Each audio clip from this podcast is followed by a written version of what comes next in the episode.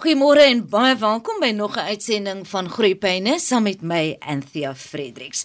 Nou in hierdie program Groeipyne verken ons die leefwêreld van ons voorskoolse kinders en ons nooi kenners na die ateljee om met ons oor allerlei onderwerpe te gesels. En vanoggend is dit my voorreg om my gas hier na die ateljee te nooi. Hy sit hier oorkant my en sy naam is Renier Kutse. Renier is 'n mede-professor by die Skool vir Openbare Gesondheid by die Universiteit van Wes-Kaapland, 'n man wat passievol is oor tuberkulose. En dis dan jy is die onderwerp ter bespreking vanoggend hier in Groeipyne want die 24ste Maart is wêreld tuberkulose dag En ons weet selfs ons jong kinders spring nie hierdie siekte vry nie. Goeiemôre Renier en baie baie welkom by Groeipyne vanoggend. Môre Anthea en baie dankie vir die geleentheid om hier saam met jou te kuier vanoggend. As ons praat oor tuberkulose, is dit 'n siekte waarmee Suid-Afrikaners bekend is. Of ons nou al van die woord gehoor het of ons self 'n slagoffer was van die siekte of familielede het wat wel tuberkulose gehad het. Maar Hoe erg is tuberkulose onder Suid-Afrikaners? Anthea, tuberkulose is een van die top siektes in die land wat so baie van ons lewens eis. En die Wêreldgesondheidsorganisasie het in 2021 en ook in hulle baie onlangse verslag aangedui dat meer as 56000 Suid-Afrikaners elke jaar doodgaan aan TB. So daar is oor die 300 000 pasiënte wat gediagnoseer word met TB, waarvan omtrent 30000 kinders is. Maar dan is daar nog soveel meer van daai pasiënte waarvan ons nie eens weet nie, wat ongediagnoseerd deur ons gesondheidsorgstelsel gaan en baie ander mense daarmee besmet. My oor ek omtrent as jy sê die groot aantal sterftes as gevolg van 'n siekte soos tuberkulose want tuberkulose is bestuurbaar as 'n siekte en dit kan ook wel genees word. So hoekom die sterftes? Dit is korrek. TB is 'n siekte wat deur die lug versprei. Ons weet dit versprei deur druppels, fyn druppeltjies. Dit is nie soos jou gewone verkoue en griep of selfs die COVID-19 virus nie. TB is in die lug in hierdie klein druppeltjies. Dit versprei baie maklik. Dit bly lank in die lug waar jou virusse en jou griep virusse val op die oppervlakte. En dit is hoekom ons altyd sê was jou hande tydens die verkoue of griepseisoen. Maar hierdie bakterieë wat tuberkulose veroorsaak, versprei dan deur die lug en dit hou van donker beknopte areas waar daar nie baie lugvloei is nie. Ook weet ons dat TB baie bekend is op byvoorbeeld die Kaapse vlaktes waar ons mense in klein huisies in groot hoeveelhede saam bly. Ons dink ook aan die pasiënte in die tronke wat in klein omgewings bly, donker omgewings waar daar nie baie goeie lugvloei is nie. En so hulle is ook 'n risiko om TB te kry en dan ook te versprei. So TB is ongelukkig 'n siekte wat hand aan hand loop met lae inkomste gemeenskappe, maar ek wil dit beklemtoon dat ons moet nie neerkyk op hierdie gemeenskappe nie, veral wanneer ons dink aan kinders. Kinders ongeag hulle immuniteit is hoogs vatbaar vir TB. Dit is die jaar 2023. Kleef daar nog 'n stigma aan tuberkulose? Stigma dink ek persoonlik is een van ons grootste struikelblokke. Daar is baie navorsing beskikbaar. Ek self is betrokke by van die navorsing waar ons spesifiek kyk na wat is die oorsake van hierdie stigma. En dit is dit is redelik kompleks. Ons pasiënte kla gereeld dat die personeel wat hulle omsien by klinieke of hospitale hulle nie goed behandel nie ons weet dat die gesondheidsorgstelsel nie geïntegreer is in al ons provinsies nie. En dit veroorsaak dat 'n pasiënt wat TB het na 'n spesifieke kamer toe moet gaan, 'n spesifieke leer het, sy leer is 'n spesifieke kleur en dit gee vir ander pasiënte 'n duidelike teken dat hy is anders of sy gaan na die TB kliniek toe. En dit dra by tot stigma as gevolg van die siekte hoe dit presenteer ons het vooraf gepraat en gesê dat jy lyk soos iemand wat uitgeteer is. Is dit duidelik wanneer iemand in die straat afloop of jou buurvrou of buurman TB het want hulle lyk ook anderster. En in die algemeen is daar 'n vrees soos wat ons ook tydens Covid gesien het. Ek is bang ek kry TB. Ek wil nie naby daai persoon kom nie. So wat ons op die ou einde doen is ons sluit daai mense uit in die gemeenskap. Ek weet jare terug was daar 'n veldtog om juis van die stigma rondom die siekte ontslae te raak en oorlede en oud president Nelson Mandela self het ook uitgekom as deel van die veldtog om te sê ek het TB gehad, ek was 'n TB leier en ek self het ook al onder vriende, onder familie en selfs in die media kon sê ek het TB gehad as 'n 21-jarige student en ek weet wat die siekte aan 'n mens eh, kan doen. Mense wat TB het, het bepaalde ondersteuning nodig en is daar 'n onderbou in ons primêre gesondheidsorg om daardie ondersteuning te gee? Ja, Anthea, een van die dinge waarop ons baie fokus as akademici, maar daar is ook heelwat verskeie gemeenskapsorganisasies wat werk om die wêreld, ons gemeenskap TB vriendelik te maak. So van die navorsing waarby ons betrokke is, fokus ons baie op 'n familie georiënteerde stelsel. Ons wil graag hê dat families versorg moet word, dat hulle ondersteun moet word en deel van die regering se TB herstelplan praat ook van 'n geïntegreerde gesondheidsorgstelsel wat meer daarop gefokus is om families te help. Een van die groot probleme is dat selfs families baie kere daai familielid met TB uitskuif en hulle eerder na 'n TB hospitaal of 'n 'n area stuur waar daar meer TB pasiënte is. Ons weet van 'n area byvoorbeeld hier in die Wes-Kaap waar daar 'n straat is wat wel bekend is vir TB pasiënte die hoeveelheid TB pasiënte in daardie straat is merkwaardig hoog. En dit is vir ons 'n kommer dat pasiënte moet uitskuif na gebiede toe. Ons wil nie teruggaan na die tyd van melaatsheid waar ons kampe gehad het waar pasiënte wat melaats was moes bly nie. Dit moet nooit met TB gebeur nie. Kan ons bietjie dan praat oor TB self en hoe die siekte presenteer met ander woorde Hoe weet 'n mens dat ek moontlik TB het? Wat is die simptome wat presenteer? Veral by kinders dan. TB, soos ek vroeër genoem het, word veroorsaak deur Mycobacterium tuberculosis. Dit versprei deur die lug. So wanneer iemand hoes, nies, hulle selfs sê dat wanneer jy hard praat of sing, kan jy die TB versprei. So dit is vir ons baie kommerwekkend want deur net saam met iemand byvoorbeeld in 'n taxi of by die werk te sit en praat, kan jy TB versprei aan iemand anders. Ek en jy sit hier nou in 'n baie klein lokaal en hierdie alreeds is 'n risiko vir TB om te versprei. So, hoe lyk TB in iemand? In kinders spesifiek is daar nie regtig simptome wat ons onmiddellik sien nie. TB verskyn baie keer akut in kinders wat beteken hulle is akut siek en hulle het dringend hulp nodig. Maar oor die algemeen sê ons dit is 'n hoes en dis 'n onophoudelike hoes. In ouer mense is dit baie kere 'n nat hoes, daai slijmerige hoes. Maar in kinders is dit nie die geval nie. Dit word nie net erken aan 'n nat hoes nie. Ook het hulle gewigsverlies. Dit is merkwaardige gewigsverlies wat vinnig gebeur. Hulle het nie aptyt nie. Hulle is net ongelukkig en veral in jou kleiner kinders onder 2 jaar is hulle baie keer ook huilerig. Nou vroeër het ek en jy gepraat en ons het ook gesê dat TB by volwassenes kan hulle bloed ophoes. Dit is nie noodwendig die geval in kinders nie. Nou TB kom hoofsaaklik in die longe voor omdat jy daar die partikels inasem.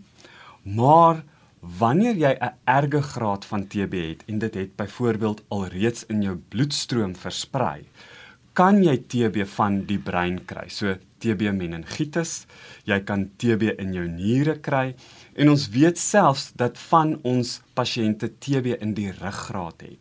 So dit is ernstige forme van TB. Die organisme is stadig groeiend en dit is hoekom ons nie altyd onmiddellik weet dat jy TB het nie. Dis eers na 'n tydperk wat jy begin simptome toon. Ons weet die griep of die verkoue virus is akuut. Jy kom in aanraking met die virus vandag en binne 24 uur wys jy simptome. Dit is nie die geval altyd by tuberkulose nie.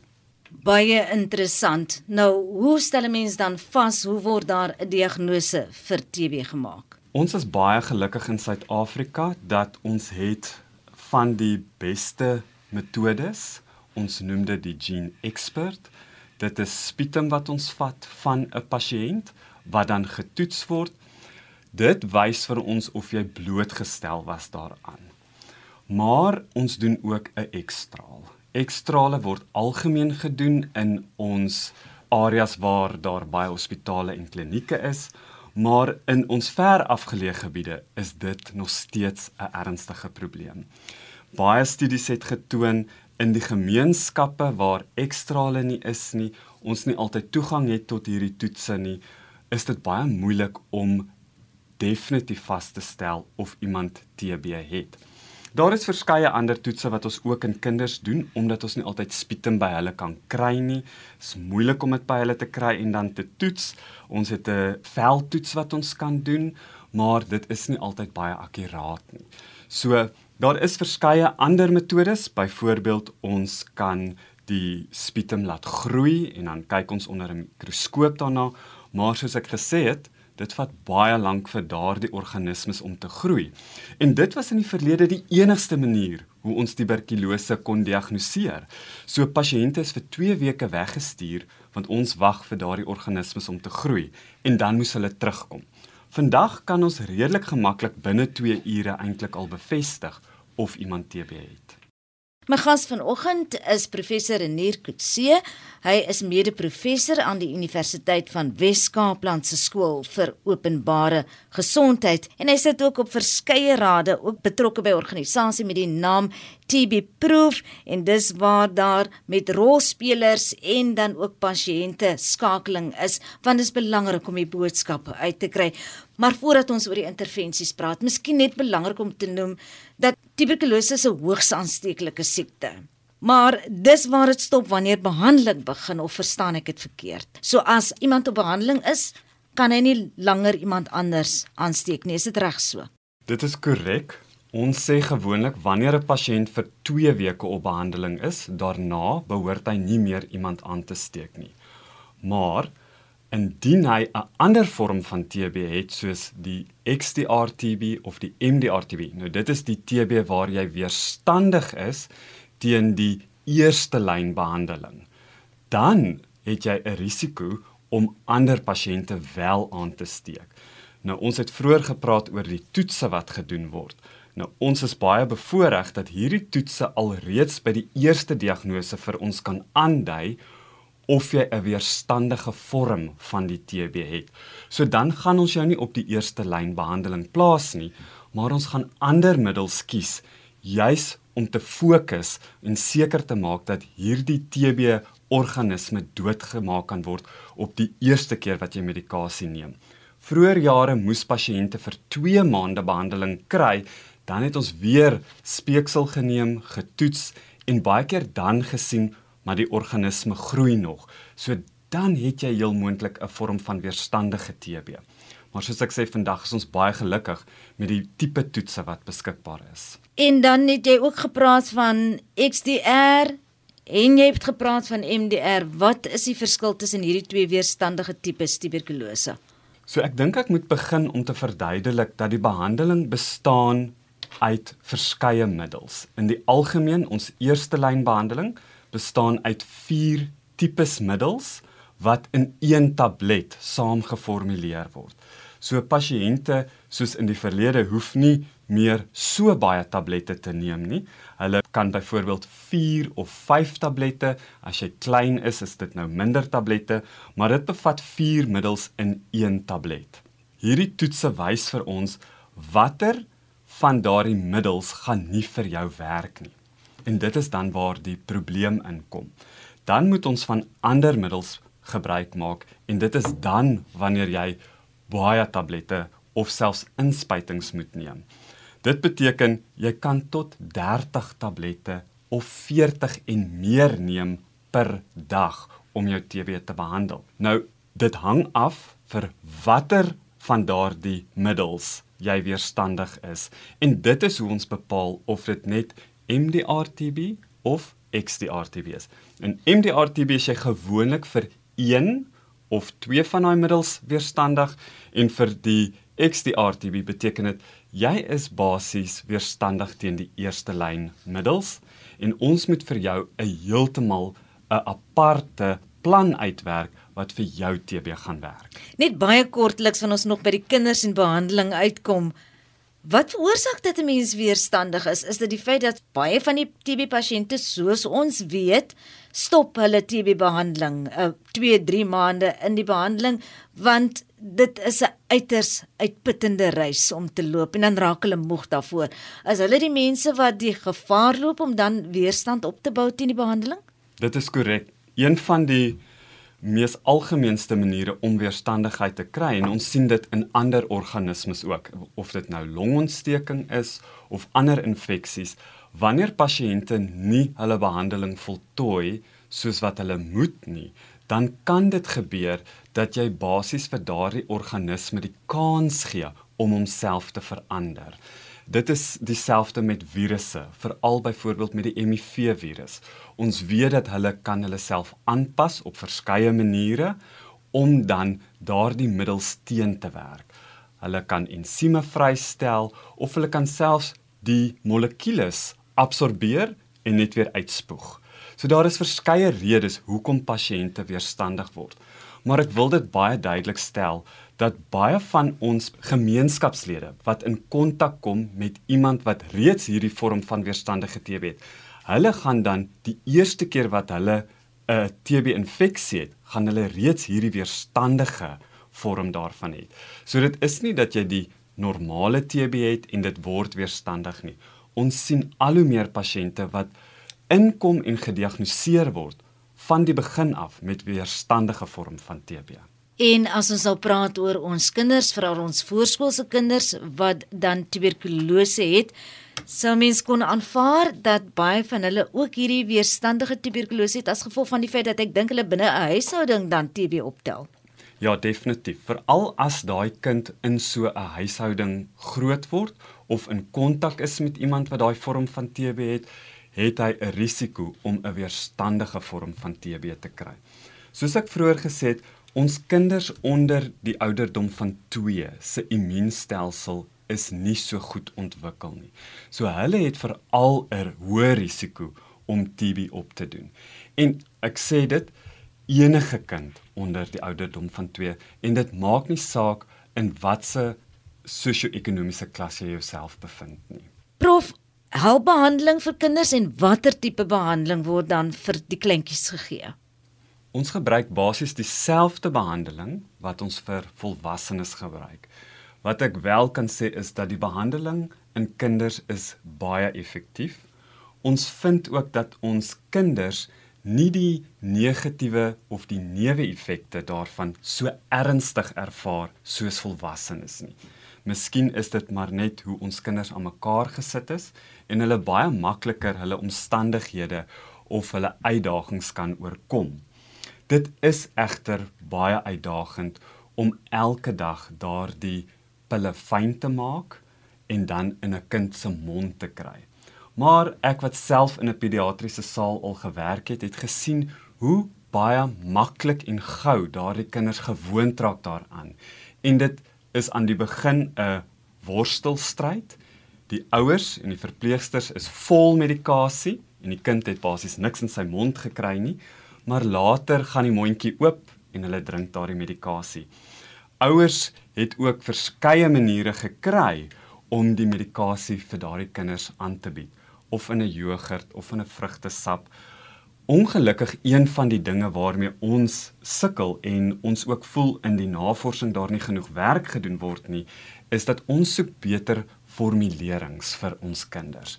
Ja, tablette kan fyn gemaak word en vir die kinders gegee word en dan in 'n vloeistofformaat of op pap gegee word, maar dit bly nie ideaal nie. Ons sal graag wil sien druppels of strope moet vir kinders beskikbaar gestel word. Hoe gaan dit met die navorsing wat tuberkulose betref en en en beter behandelingsopsies in die pad vorentoe? Is daar hoegenaamd 'n politieke wil, 'n mediese wil wêreldwyd?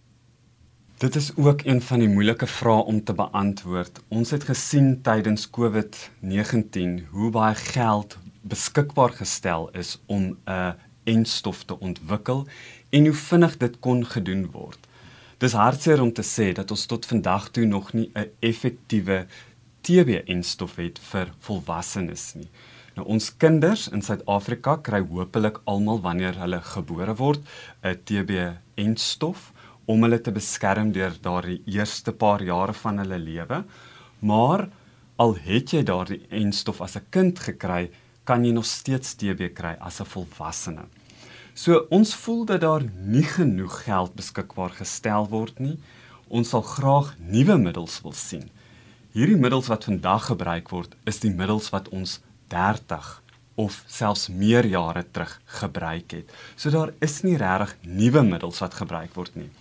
Die medisy is baie innoverend en hulle probeer kombinasies van middels wat wel beskikbaar is om dan byvoorbeeld weerstandige TB te behandel. Wat ek wel kan sê is as ons nou gaan praat oor die voorkoming van TB, is ons baie bevoorreg in Suid-Afrika dat die departement van gesondheid baie onlangs hulle nuwe riglyne vrygestel het. En daar is nuwe middels beskikbaar vir die voorkoming van TB wat minder neeweffekte het minder gebruik hoef te word 1 tot 2 of 3 keer per week vir korter tydperke so 6 maande tot 'n jaar.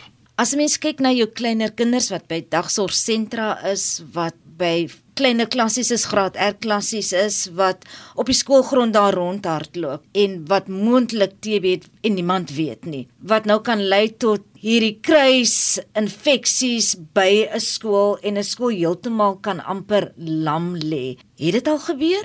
Kan dit gebeur?